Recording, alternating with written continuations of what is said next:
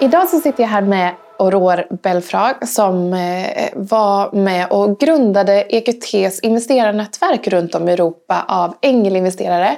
Eh, varmt välkommen! Tack så hemskt mycket! Spännande att höra lite mer om det du har kommit fram till. Du jobbar ju idag som techdiplomat eh, och det här kan man ju se liksom lite spår av ändå från din barndom. Din pappa var diplomat, han jobbade bland annat med att förhandla för Sverige i inträdet i EU och du har följt med familjen runt i, i världen. Eh, med den här bakgrunden, vad har du känt att du liksom ville bli? Hade du några tydliga drömmar när du var ung? Eller? Ehm, ja, jag ville länge bli blomma eh, och sen så ville jag bli kung. Men det var liksom de, de små åren. Mm. Och sen i tidiga tonåren, och tonåren så då, lite kaxigt så, så sa jag ofta att här, jag ska bli Sveriges första kvinnliga statsminister. Eh, sen har jag väl släppt politiken, inte politiken som sådan utan politik som en karriärbana. Eh, och så naturligtvis så har jag funderat på att följa fars spår som, som diplomat. Och sen på något sätt så hamnade jag där ändå, men kanske inte via eh, UD. UD. Ehm, jag tror på Handels, när jag pluggade till ekonom, då trycktes jag in i den här formen av vad man ska bli. Ehm, och det tog ett tag innan jag skakade loss eh, formatet och formalian, eh, vad som förväntas av en. Vad var det för... Ja, jag vet, det var en ganska vag bild med så här chef, näringsliv, viktig kostym. Um, jag vet inte. Uh, men det var inte, det var inte så fri den bilden jag hade av det man blir när man uh, kommer ut ur, ur handeln sen. Och så, så hade jag tur, jag hade en väldigt färgstark, uh, krävande, intellektuell Eh, chef och hon piskade mig. Dels var jag tvungen att kunna allt, eh, vilket var också en, en, ett annat sätt och eh, en annan förväntningsbild samtidigt som hon var väldigt fri eh, och på lunchen skulle vi då plötsligt prata eh, luktljus eller läppstift och sen så kastade man sig in i eh, politiska detaljer kring en förhandling. Och det var då jag insåg att man kan göra allt och man kan tycka det man tycker är roligt. Eh, och sen dess har jag alltid varit eh, mycket mer lustdriven. Mm. Mindre plan, mer lust. För idag så driver du ju en typ av verksamhet som har en väldigt hög ambition. Diplomati är absolut integrerat i det. Eh, och det är ju att bygga broar mellan större bolag, eh, samhället i stort, liksom individer eller personer som söker kunskap eh, och även nystartade bolag eller startups och investerare otroligt ambitiöst men jag förstår ju att det, det, behövs ju och är väldigt spännande på så sätt. Berätta, vad, vad är ambitionen och hur tänker du tackla det här? Jag har ju gjort flera komponenter i det här. Dels kom jag då från ett eh, uppväxt i någon form av civil service, statlig anda eh, och diskuterat och tänker mycket på hur eh, länder och världen Eh, rör sig och hur det påverkar oss. Nu har jag byggt bolag, varit entreprenör och varit grundare eh, i en klassisk startup-story. Vi grundade Rap 2011. Eh, vi reste väldigt mycket pengar. Vi gjorde en media-hype kring oss själva gjorde en serie ganska storartade misstag och naturligtvis framgångar. men det är bara misstagen man lär sig av. Eh, och sen har jag då också varit ängelinvesterare, jobbat med eh, att resa pengar i tidiga faser var med i eh, Equity Ventures och var med, fick vara med och resa den fonden och sen eh, investera i bolag. Och när man ser hur mycket spännande teknologi som byggs. Vi är i ett vägskäl där samhället håller på att omdanas eh, kring vissa av de här eh, teknologierna. Artificiell intelligens, blockchain och så vidare. Och så ser man hur de olika delarna i samhället kanske inte riktigt hänger med. Eh, för ska du bygga tech idag mot skola, infrastruktur, sjukvård, till en viss grad eh, försvar, även om det är kanske lättare, då har du svårare att hitta en motpart. Det är svårare att jobba med skola och sjukvård mest av ovana och en byråkrati och ett sätt att arbeta som inte riktigt passar den här iterativa startupkulturen. Och det är väl där jag känner ett stort behov. Eftersom de här delarna av samhället är så viktiga så behöver de också få ta del av och gagnas av den nya teknologin och inte liksom ligga fem, tio år efter. Mm. Uh, och det är den bron uh, som jag tror behöver byggas. Mm. Du berättar liksom om den här resan, om entreprenörskap och hur du även har gått in i, i bolag som investerare. Jag tror ändå att många liksom, personer som, eller liksom, med ambitioner av att starta bolag eller kanske har drömmar om att en gång gå, kunna bli en investerare och gå in i, i även bolag och inte bara kanske i liksom, aktier och den typen av investeringsform. Söker efter så här, okej, okay, hur kommer man igång? Eller vad, hur, hur har du börjat och vad skulle du ge för råd på vägen? Jag började ängelinvestera i Mellanöstern. Ehm, men, och det var väl kanske inte liksom en traditionell väg att gå. Jag, eh, men hittade bolag och möjligheter som jag tyckte var så spännande så jag kunde inte, inte vara med och hjälpa till. Och jag tror att det är väl i den lusten man ska göra det mesta. Det vill säga, det här är coolt. Mm. Eh, och eh, teamet som ska bygga det har en sån enorm driv framåt och man bara ser att detta kommer att bli och det är de här som kommer leverera det och jag vill vara med. Eh, och då kan man vara med och, och, och pynta om man eh, har råd med det. Som, som asset class är ju venture och framförallt ängelinvesteringarna den ganska ovetenskaplig om du vill. Och ju tidigare du investerar desto mindre kan du räkna på eh, risker och möjligheter. Liksom, det blir inte ett Excel-arks-investerande eh, utan det blir väldigt mycket magkänsla. Tror jag att de här kan göra det? För det lär man sig efter ett tag efter att ha tittat igenom massa pitch decks att det är väldigt mycket bolag som ska lösa samma problem. Mm. Och har man rest runt i Europa som jag har gjort i, eh, och tittat på tidiga bolag så ser man att det finns ett 10-20-tal bolag i varje stad som ska lösa samma problem. Eh, och alla har räknat ut att det här är en billion dollar market och alla ska ta 10% of that billion dollar market och alla har en värdering på bla bla bla unicorn. Och så det handlar inte om storleken på marknaden, för det kan du då som räkna ut i ditt Excel-ark, utan det handlar om, kommer hon att orka bygga det här? Är det hon som kommer leverera det här bolaget? Eh, har hon kraften att attrahera tillräckligt mycket talang kring sig och nästa steg i kapitalet för att det här ska bli någonting? Mm. Har du, här, spännande fråga, har du missat någon entreprenör som du senare har sett så här Härlighet. Massor, massor. Och, och, och det, häftigt, framförallt ja. i den här bygga, eh, när vi byggde nätverket så fick vi träffa väldigt mycket bolag. Och där hade vi ett gap i, i eh, vår investering så att Equity Ventures går ju in ganska sent. Um, och då var uppdraget att hitta, titta och hjälpa tidiga bolag och hitta ängelinvesterare och hitta såddinvesterare. Och då kunde man ju ofta känna så här, nu har jag hittat en riktigt spännande eh, entreprenör och bo, eh, bolag och jag matchar det med en såddfond eller en ängel eh, någonstans. Tack och hej och så får man en kaffe för det. Mm. Man vill så gärna vara med men mm. det var mm. inte det som var uppdraget då. Nej. Eh, och då måste vi faktiskt reda ut de här olika begreppen. När man som investerare går in i vilka olika faser och vad det kallas beroende på man, vad är liksom skillnaden på ängelinvesterare och liksom det, den typen av riskkapital man får längre fram. Alltså detta är ju en, en, teater och det är lite olika i, i olika städer och lite olika i Europa versus eh, i USA. Men så här, generellt sett så är det viktigt att man kallar sig rätt sak vid rätt tillfälle. Inte för att det är viktigt på riktigt, utan för att investerarna ska förstå, eh, och nu pratar jag från ett entreprenörsperspektiv, så att investeraren förstår att den är relevant. Ehm, och kallar man sig själv fel, om man är pre-seed istället för seed kan det kännas då ganska oviktigt. Ehm, men det kan vara skillnad mellan ett ja och ett nej. Eh, så i den här låtsasteatern när man ska kalla sig, sätta på sig rätt hatt, eh, så gäller det att ha kommit igång lite granna, eh, en idé, bildat bolag, satt igång, tycker jag. om man har egna pengar, visa att man är engagerad nog så man har stoppat in sina egna pengar. Så mycket tror jag på dem. Ehm, och så kanske man har då FFF, Family, Friends and Fools, har stoppat in liksom en liten första slant för de tror på ens idé.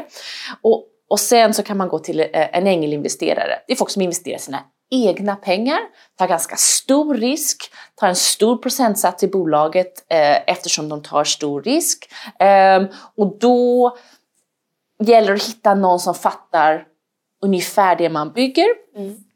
Eh, och ofta, det, du säger då att du inte har ännu fått en institutionell värdering utan det är fortfarande du som entreprenör som sätter värderingen och värderingen är egentligen inte särskilt viktig även om man kan didda runt det där. Eh, och sen så kan man kanske hoppa in i pre-seed och sen seed. Och här gäller det så här, hur långt har bolaget kommit i de här olika faserna? Eh, och det intressanta tycker jag är att oavsett vad du bygger, läkemedelsbranschen, transport, B2B, B2C, så visar det sig att den här pre-seed eller seed-pengen är ungefär lika stor oavsett vilken bransch du är i. Apropå att det är en ganska stor teater. Mm. Men i Stockholm så ligger en såddrunda någonstans mellan 3 till 10 miljoner kronor skulle jag säga i någon form av det bredaste. Mm. Um, och då behöver man kanske inte ha tjänat pengar ännu men det ska vara up and running och fungera.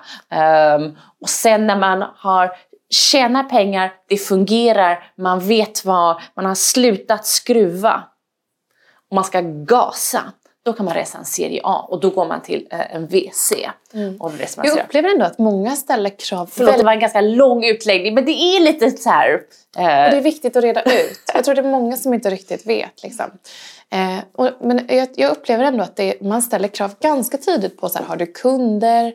Har du liksom, trots att man kanske inte har kommit dit ändå när det kommer till liksom Mindsetet du ska ha är att i varje givet möte där du går in för att ha kapital så kommer det få ett nej. Alltså, och tänk så! 99% av gångerna kommer du få ett nej. Och det är med det mindsetet du kommer börja skruva på att försöka hitta ett ja. Jag sa häromdagen, jag jämförde med när jag försöker få min dotter att äta broccoli. Eftersom jag vet att hon kommer säga nej, så lurar jag henne att äta broccoli. Och det är lite där man är så här, vad är the elephant in the room? Var kan hen säga nej? Mm. Jag tycker också det är oerhört viktigt att vi lyfter fram, för jag upplever en, en tendens ändå att du först som entreprenör när du får kapital eller får en investering blir legitim eller att nu har du lyckats. Mm. Eh, jag skulle vilja uppmuntra entreprenörer att hålla i sitt bolag och ambitionen och pengarna, så att säga, ägandet så länge som möjligt. För det finns en, en tendens till att man söker investeringar alldeles för tidigt. Mm.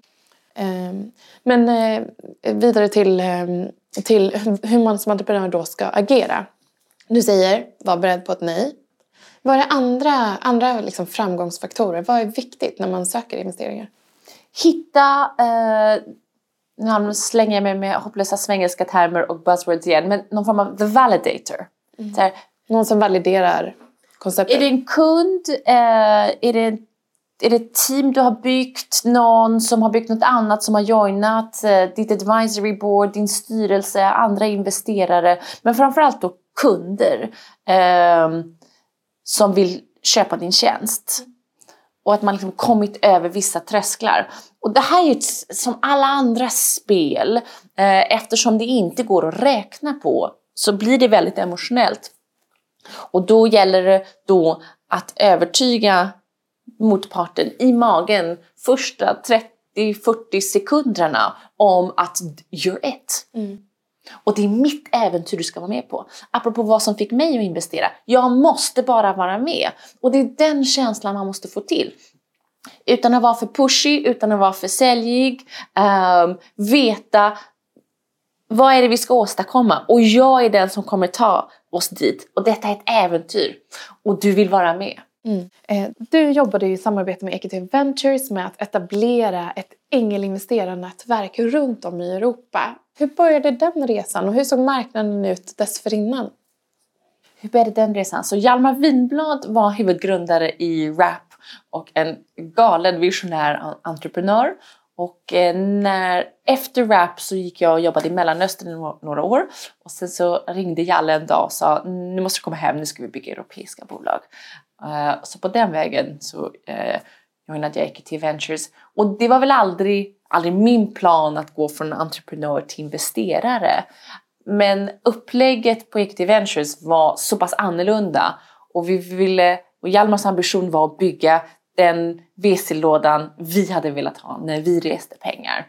Ett annat entreprenöriellt mindset och bara bolagsbyggare i teamet. Mm. Då kände jag att det här är för spännande. Ja, och VC-firma det är alltså en, ett bolag som, som eh, investerar större fonder eh, av pengar. Och, och, kan du berätta lite om EQT och hur ni jobbade där? EQT är ju en private equity som investerar i stora bolag och eh, förstod eller tyckte var spännande med, med venture som är då tidigare investeringar. Och tidiga från ett private equity perspektiv är inte samma sak som tidiga för en ängel utan vi eh, investerade i serie A och uppåt, A, B, C. Och vad är serie A, B, C? A-rundan är som sagt när man har byggt ett bolag, man har skruvat klart, man har hittat någonting som fungerar, kunden vill ha det och sen behöver man kapital för att skala upp och eh, gasa. Då är det dags att resa en serie A. Och då går man till eh, riskkapitalbolag som är då fokuserade på serie A eller de som är fokuserade på serie A och uppåt. Det finns då två olika typer skulle jag vilja säga. Ehm, och där någonstans finns det inte lika tydliga eh, gränssättningar med vad som är en A och en B och en C-runda utan det är väl liksom vad som kronologiskt följer. Men det man ska tänka på när man reser kapital det är att spela schackspelet, att tänka ut dragen i förväg. När kommer du behöva en ny injektion av kapital för att fortsätta växa? Det vill säga du kan inte växa för egen maskin, du får inte in tillräckligt mycket egna pengar, du måste inskjuta kapital.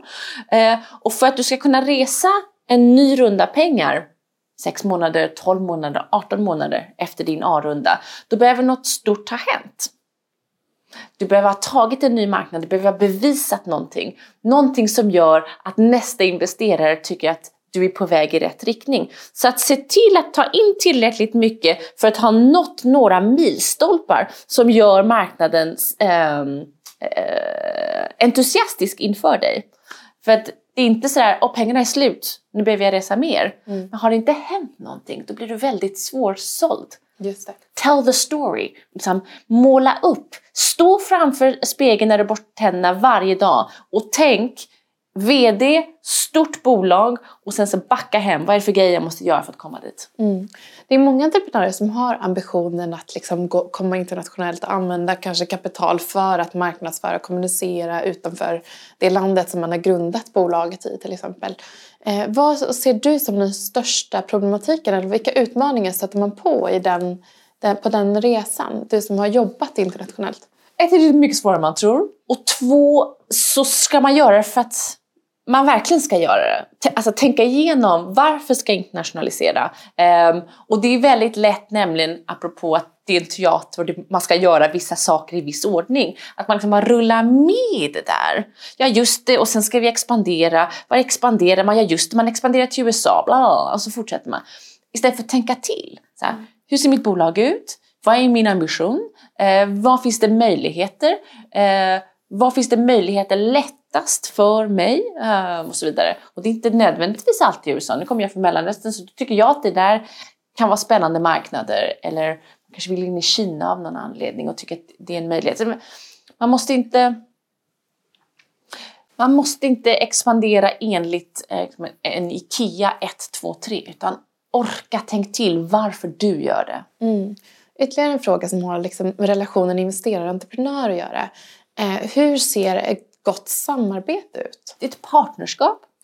Eh, jag sa, nämnde att änglar investerar sina egna pengar. Men förutom det så är ju många av de här eh, riskkapitalisterna, VC, investerar ju inte sina egna pengar. De har ju rest fonder med andras pengar i.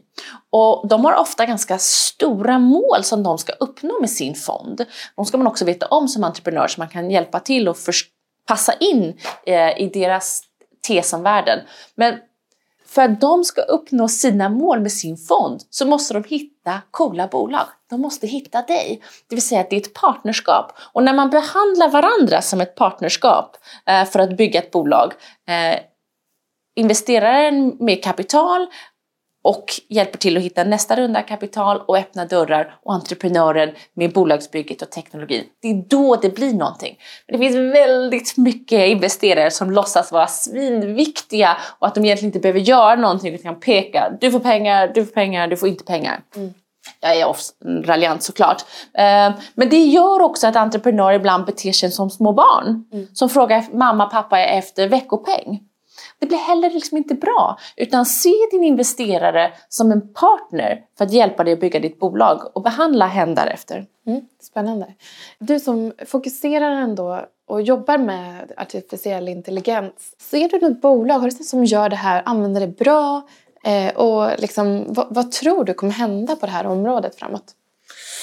Eh, det finns potential att mycket kommer hända och så är frågan så här, vad är tidsaxeln på det där? Eh, kommer vi se stora omvälvningar på en 3, 5, 10 års period. Och jag ser nu när jag själv håller på och bygger, eh, många, många utmaningar ligger på beteendesidan, kanske även på policysidan, det får vi se. Eh, men jag tror Lika mycket spännande teknologi kommer byggas inom stora bolag av den enkla anledningen att du behöver tillgång till data. Eh, och det är våra storbolag och våra eh, statliga institutioner som har den där mm. eh, datan. Så det kommer att ske tror jag, i samverkan med eh, små bolag och stora bolag eller stora bolag som lyckas göra det som är ganska svårt ändå, det är att, att bygga cool tech internt. Hur tror du att liksom, de nya bolagen ta, kan tillvarata den här kunskapen och hur de större bolagen sen kan, liksom, hur ser dialogen ut däremellan? Kan man samarbeta eller finns det problem där? Ja, alltså jag tycker det där är lite spännande eftersom det är svårare än man tror.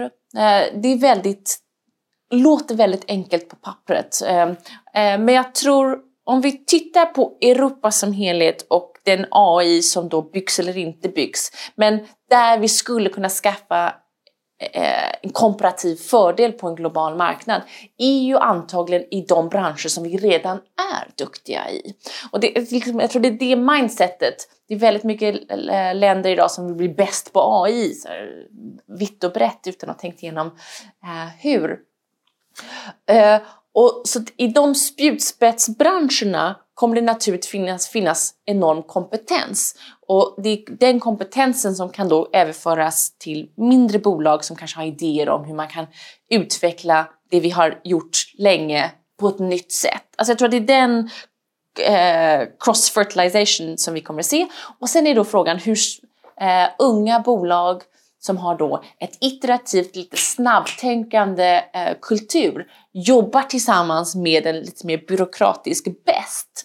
Eh, även om båda vill så kan det ibland vara svårt. Och det märkte jag när eh, vi byggde Rap och skulle sälja till storbolag. Det är ju väldigt lätt att få ett entusiastiskt ja från toppen. Men sen när man ska ner operativt så är det inte alltid så lätt att få saker och ting gjorda. För att bolag är byggda på ett visst sätt, they're siloed, folks bonusar är kopplade till eh, vissa saker. och Så kommer man in med ett nytt, ett nytt sätt att arbeta, ett nytt sätt att tänka. Så där krävs det ganska mycket av dagens ledarskap för att få till stånd de här samarbetena och inte underskatta eh, kulturella skillnader, eh, vad heter det, differences in objectives. Och det, är inte helt lätt, men då, så de mm. kunderna som jag jobbar med så, så, så håller jag dem i handen. Nu ska ni samarbeta, ni har olika målsättningar, ni är vana vid olika grejer, era bonussystem ser olika ut, men det är hit vi ska nå ändå. Mm. Hur kommer vi dit? Och när man bryter ner det så låter det lite löjligt, men då kommer man framåt. Mm. Eh, vad eh, skulle du säga, man har nyligen släppt, jag vet Dagens Industri släppte precis nyheten att ja, men tjejer som entreprenörer får 1% utav riskkapitalet. 99% går till män eller bolag där en viss procent går till eh, bolag där både kvinnliga och manliga entreprenörer tillsammans. Men oerhört lite då till kvinnliga entreprenörer. Vad, vad tror du är anledningen till detta? Många. Eh, dels så är det fortfarande inte jättemycket enskilda en kvinna eh, entreprenörsbolag och det är ingenting jag rekommenderar heller. Och då menar jag inte att vara ensam kvinna utan att vara ensam grundare. Det är oftast bättre att vara grundarteam eh, oavsett eh, könsuppställning. Men sen så är det som jag sa, det är 99% nej när man söker bolag, eh, pengar som bolag oavsett. Eh. Och studier visar gång på gång att långa, vackra män får mest riskkapital. En Harvard-studie eh, som gjordes för ett och ett halvt år sedan. Och sen korta, fula män och sen kvinnor. Det spelar ingen roll om vi är långa eller fula eller vackra. Jag vet inte om det är bra eller dåligt, men vi, vi, vi hamnar sist då i den här eh, kategorin.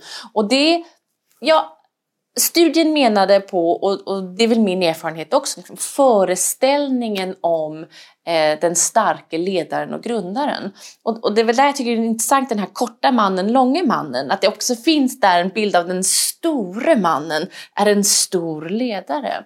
Och dels är det då naturligtvis inte sant, men det som är sant är ju vår föreställning, eller mångas föreställning kring det. Men det som är, som är spännande är att vi pratar om det på ett helt annat sätt. Så de sista ja, Eh, 24 månader månaderna tycker jag det har skett en enorm skillnad i medvetenhet kring utmaningen och problematiken. Ehm, både vad gäller hur team ska se ut, vad de gör, hur de beter sig, hur investeraren ställer frågor. Ehm, studien visade, och jag har sett det om och om igen själv, vi ställer som investerare dels annorlunda frågor, men även i olika stadier i mötet. Du kommer och är en entreprenör och en manlig entreprenör. Och då visar det sig att on average så får du 15 minuter på dig att prata fritt innan den första frågan kommer. Kommer du en kvinnlig entreprenör så visar det sig on average att efter minut 5-6 kommer den första frågan. Vilket gör att du kanske inte har hunnit göra din huvudpoäng eh, och du konversationen riktar sig ett annat håll där du inte har kontroll. Eh, och så, så pratar man vidare och man är artig och man svarar på frågan. Och eftersom det är så riskfyllt att investera i tidiga bolag, minsta lilla adderad risk gör att det blir det här nejet. Mm. Och eftersom äh, investeraren tror att vi har haft en vanlig konversation om någonting, har inte medveten om när första frågan ställdes, kliver ut ur mötet och känner, jag vet inte vad det handlade om exakt. Nej. Och inte för, av illvilja, nej. utan så här, jag förstod inte riktigt. Mm. Men det var för att han, hen trasade sönder mötet. Mm. Eh, och då blir det då ett, nej. Och då måste man prata om det, man måste vara medveten om det. Och som grundare, kvinnlig grundare ska man vara medveten om det. Och så se till att vänligt och styra tillbaka så att man liksom under sitt möte får fram det man vill ha sagt. Just det bra tips på vägen. Mm, svårt. Eh, ja, men du, stort tack för att du kom idag. Otroligt intressant att dels få lära sig om de olika faserna när man som investerare går in i entreprenörsbolag. Men också ge konkreta tips till de entreprenörer som faktiskt går i de här tankarna. Tusen tack för att du är här idag. Stort tack. Eh, ses om inte allt för länge. Det hoppas jag.